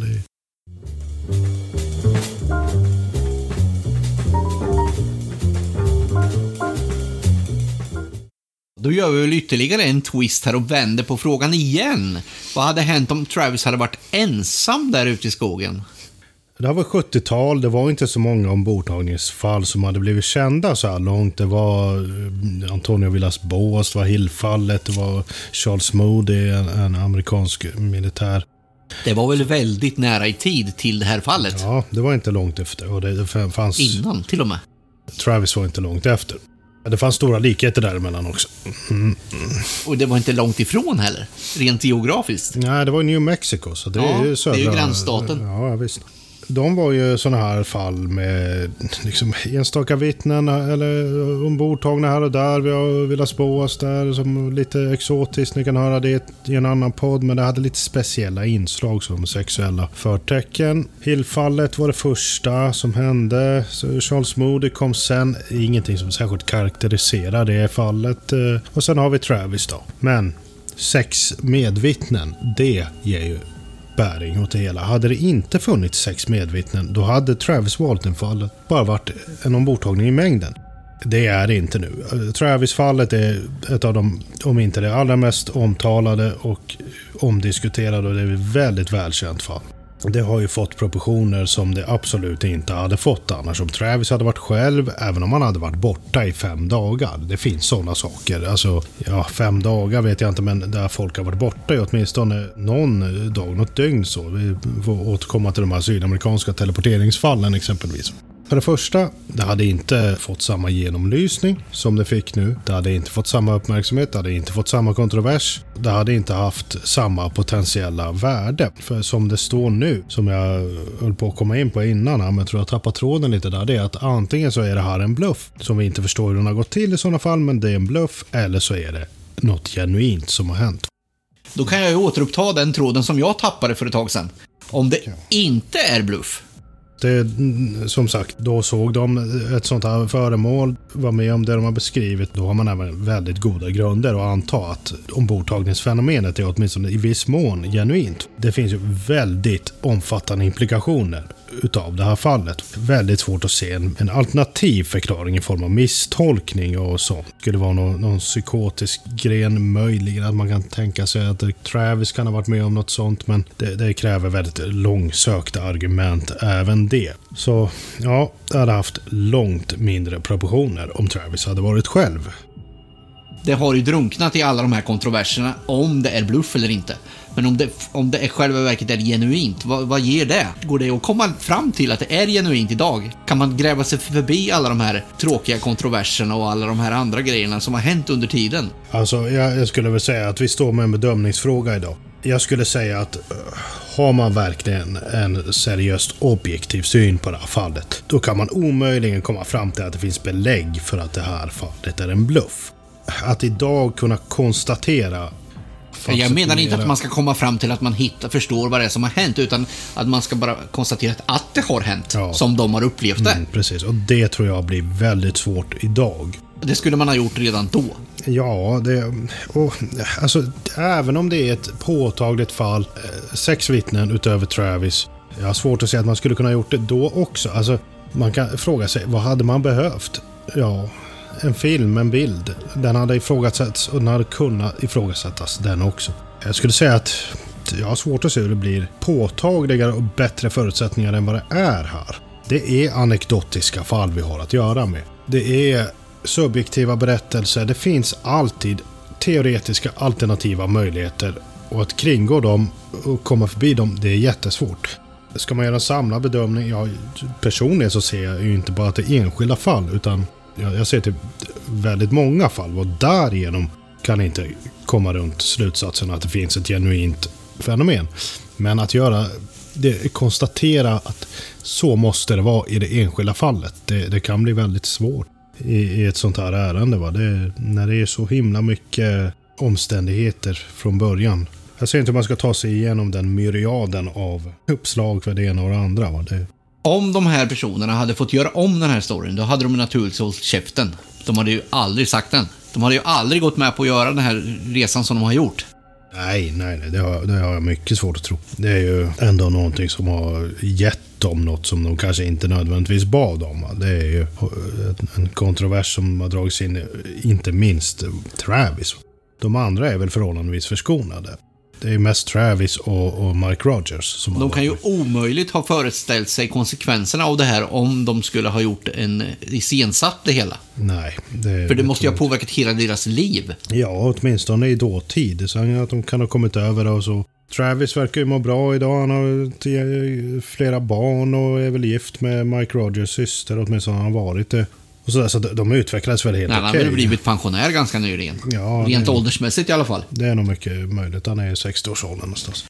Ja, nej, så att eh, jag, jag håller med. Jag tror inte de hade, om man nu förutsätter att det inte är en bluff, vilket jag tycker att det Nej, för då saknas hade de, belägg man, för. jag menar, man kan aldrig räkna med vad som kommer att hända i framtiden. Vi har ju exempel på, i ufo-historien på sådana här berättelser som visat sig vara bluff. Där personerna har ångrat sig djupt.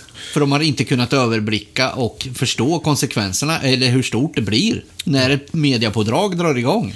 Det går inte att komma loss då. Det växer till proportioner som man inte kunnat eh, föreställa sig och så helt plötsligt så står man där och kan inte ta sig ur helt enkelt. Man måste stå fast vid lugnen. Vi kan naturligtvis spekulera att det är så på det här, i det här fallet också, men även då så tror jag ju att de hade absolut inte gjort om det om de hade fått möjlighet att backa bandet lite. Så kan vi väl sammanfatta det hela.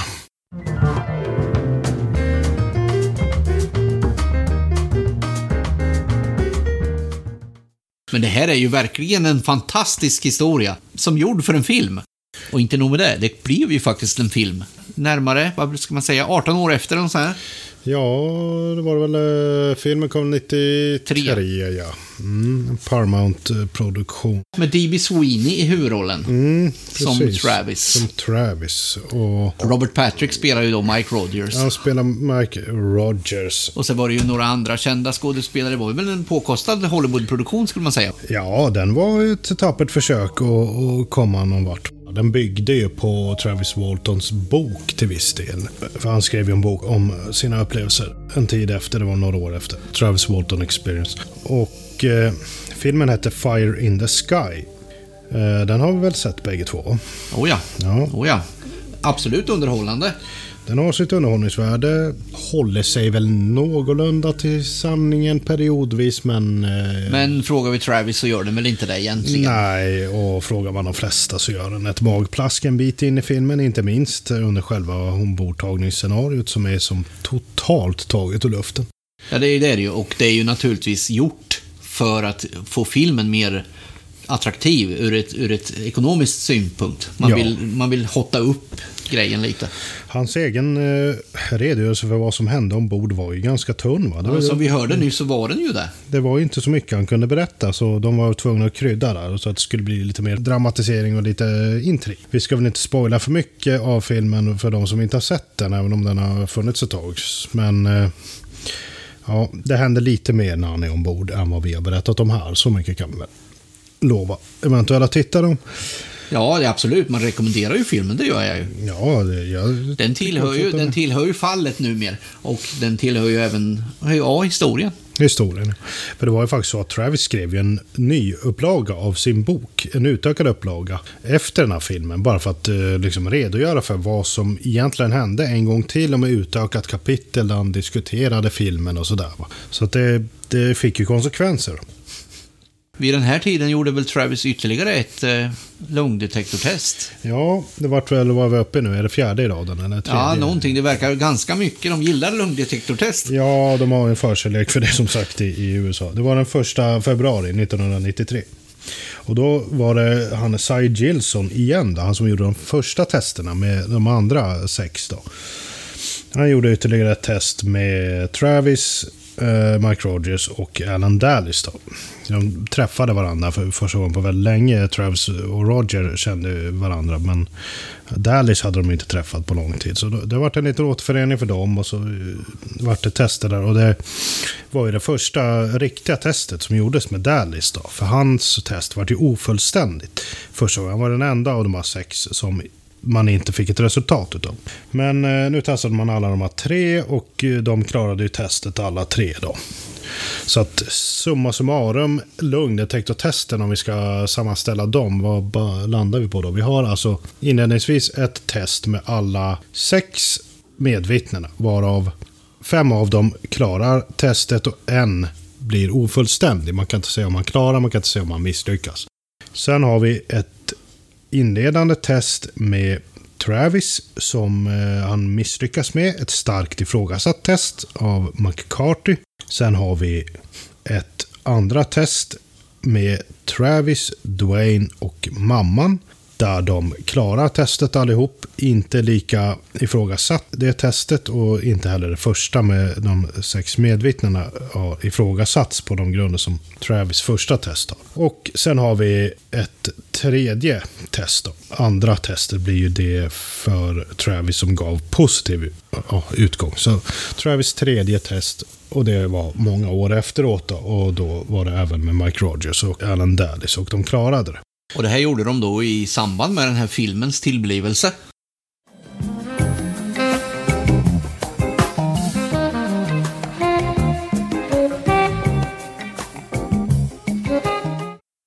Det hände ju mer grejer runt den här filmen. Var det inte så att det var någon, kom någon ny, ett nytt vittne helt plötsligt?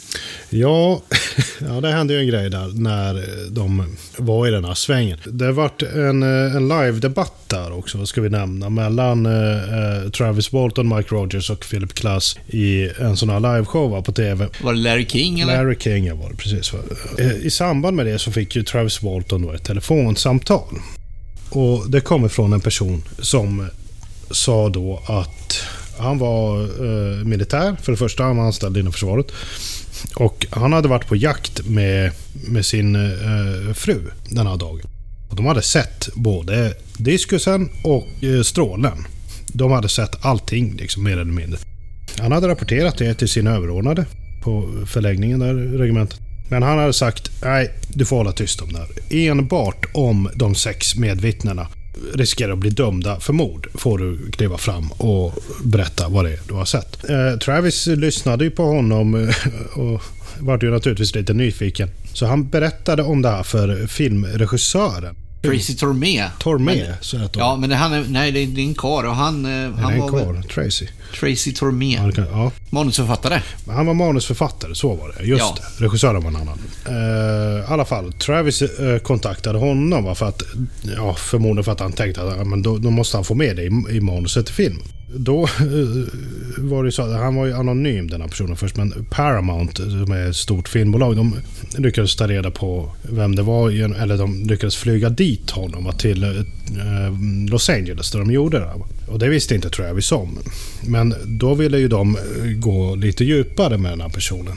Så de, de tog kontakt och flög dit honom till Los Angeles och skulle sätta honom på lugndetektortestet.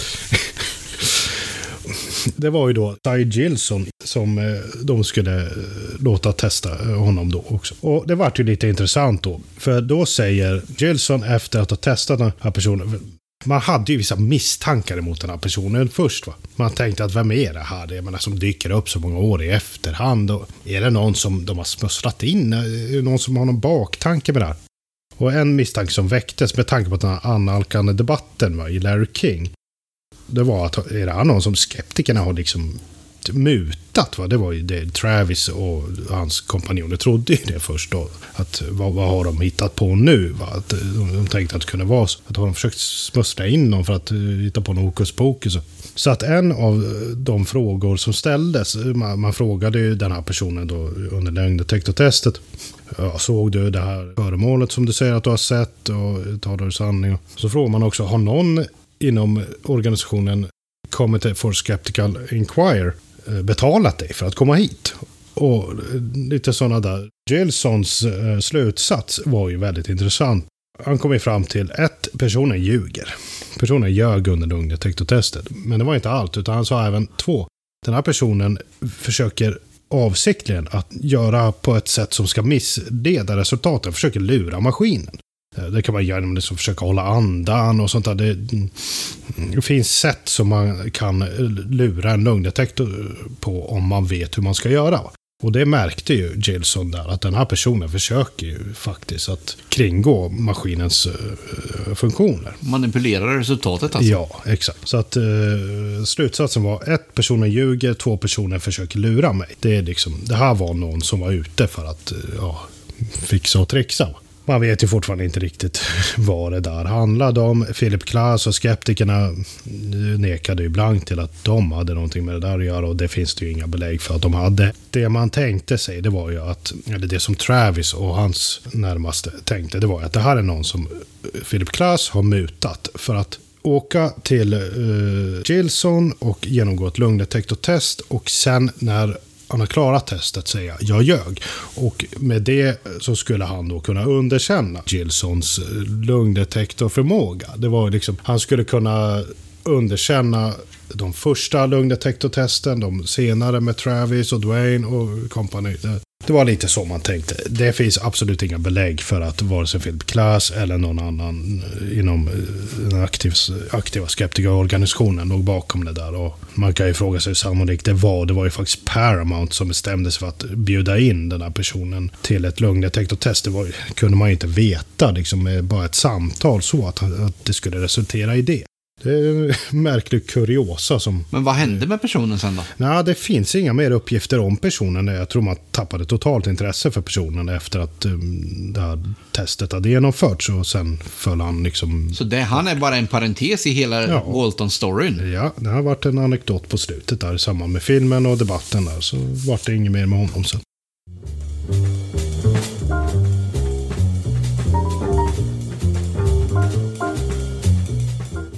Men Walton tyckte ju inte filmen var riktigt hundra. Han gjorde ju inte det. Och det kan man ju förstå om man läser vad han har berättat och när man läser vad som hände sen i filmen, liksom när han blir ombordtagen och så. Så han har ju på senare tid jobbat för att de ska göra en ny film. Men så sent som i somras när Claes Svahn var i Los Angeles träffade ju då Travis och då sa ju han att filmen, man kan säga att den ligger på is fortfarande. Projektet är inte, inte borta på något sätt, men, men filmen är långt in i framtiden om det nu någonsin blir av. Ja, alltså man kan ju tänka sig att det är ett sånt där projekt som, det är ju något, det är dragplåster alltså.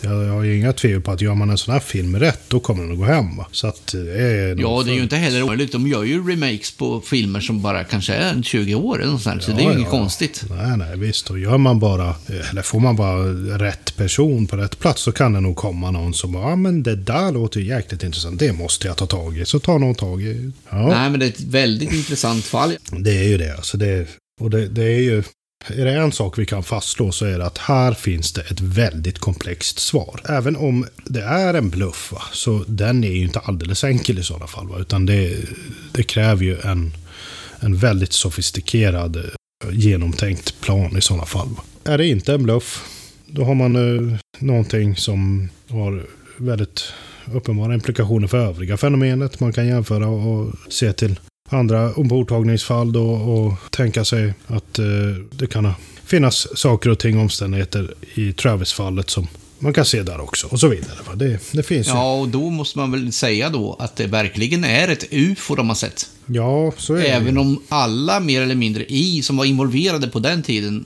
när de säger UFO menar de ju i princip bara rymdskepp. Ja, det, så är det ju inte. Va? Det, alltså, jag är av den bestämda uppfattningen att även om vi utgår ifrån att det här gick till precis så som alla parter, alla sju personer har berättat. Så jag är långt ifrån övertygad om att Travis togs ombord på ett utomjordiskt rymdskepp. Va? Det, det, har jag ju redan påpekat i tidigare poddar att jag tror ju inte på den teorin. Men eh, det kan handla om andra saker. Kanske lätt kan uppfattas som utomjordiskt men som inte för den saken skulle behöva vara det.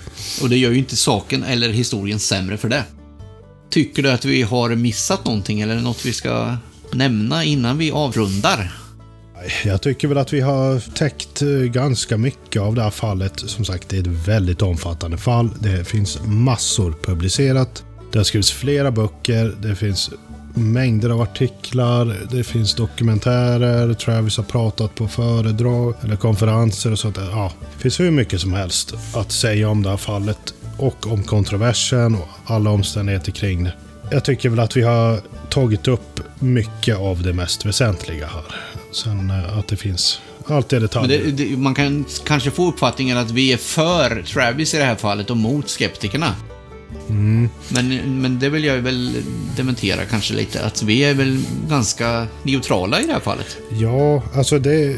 Man ska skilja på skepsism och skepsism också. Det jag är emot i det här fallet, det är att somliga gick så himla hårt in. Alltså, jag, jag tycker att eh, det Jerome Clark skriver i sin sammanfattning, det är väldigt eh, tänkvärt. Va? Och det är att det som gjordes från skeptikersidan i det här fallet, det åsamkade bara de skeptiska argumenten skada. Det gjorde inte nytta. Det hade behövts en mer objektiv skeptisk approach i det här fallet från början. För att de som representerade motsatsen, det vill säga APRO och deras representanter, de hade inte alls samma kritiska läggning som kanske exempelvis vi i UFO Sverige har idag. Jag ska inte säga att de var helt okritiska, men de, de jobbade på ett annat sätt. Men på grund av skeptikernas hårda angrepp så fick de ta ett lättare motangrepp från andra hållet. Ja. Deras jobb blev överkört på ett sätt som inte hade skett om inte de här Philip Klass och hans anhang hade förstört fallet mer eller mindre förstört och förstört, men om de... Det hade ju fått ett annat upplägg va?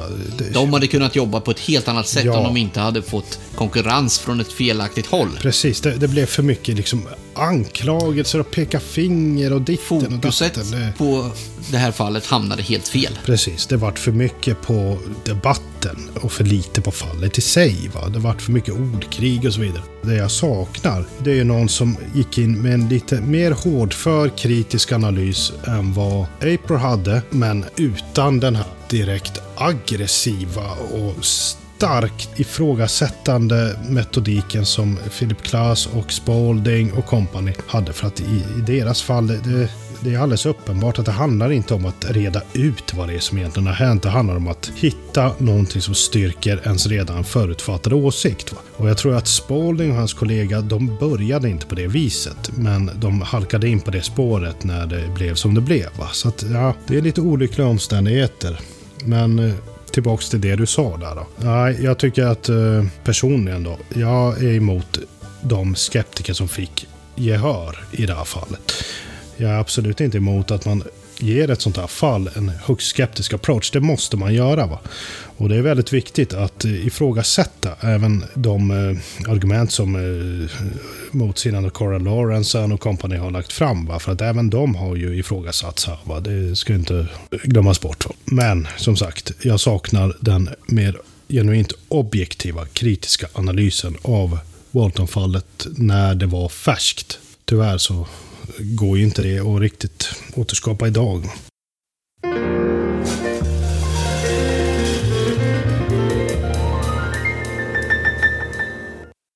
Ska vi avsluta med någon typ av konklusion? Det är ett väldigt intressant fall. Det är unikt på sitt sätt. Det gick lite fel från första början. Fokus hamnade fel. Fel personer kom in i bilden och riktade arbetet i, i, fel riktning så att det blev för mycket ordkrig och dylikt. Det vi just har pratat om här. Vi har alltså inte hittat någonting som varken förespråkar det som hänt eller, det som, eller något som är emot det som hänt. Nej, om man ska säga något litet sammanfattande så är det det finns inga belägg för att fallet är en bluff. Det finns mycket spekulativa åsikter och argument för att det skulle vara så, men det finns inga belägg. Men ser vi till motsatsen, vi har en anekdotisk berättelse. Det må vara sex vittnen plus Travis, men det är fortfarande bara eh, vittnesmål. Vi vet, vi har inte eh, de här absoluta empiriska beläggen för det här, den här berättelsen heller. Vi har en massa lögndetektortest och dylikt va, som trots allt är en väldigt ifrågasatt metod. Det, det, är svårt att dra någon absolut slutsats. Var det här en uppriktig berättelse eller var det en bluff? Men det har verkligen satt sig i historien, i ufologiska historien. Och är man intresserad av ufologi kommer man förr eller senare fram till det här fallet. Ja, ja, ja. Det är ju oundvikligt eftersom det har blivit så stort. Jag tycker verkligen att man ska ta och läsa om det.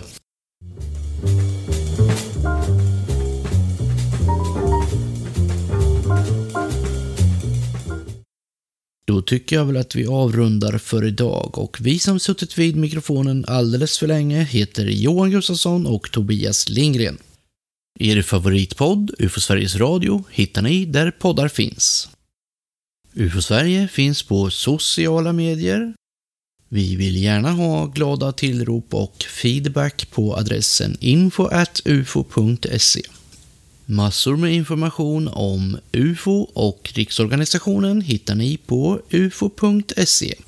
Ni som lyssnat väldigt noga och spetsat öronen för att höra bakgrundsmusiken skall veta att den är gjord av kompositören Kevin MacLeod. Sist men inte minst vill vi tacka för att ni som lyssnar gillar det vi gör. På återhörande och adjö. Tack och adjö.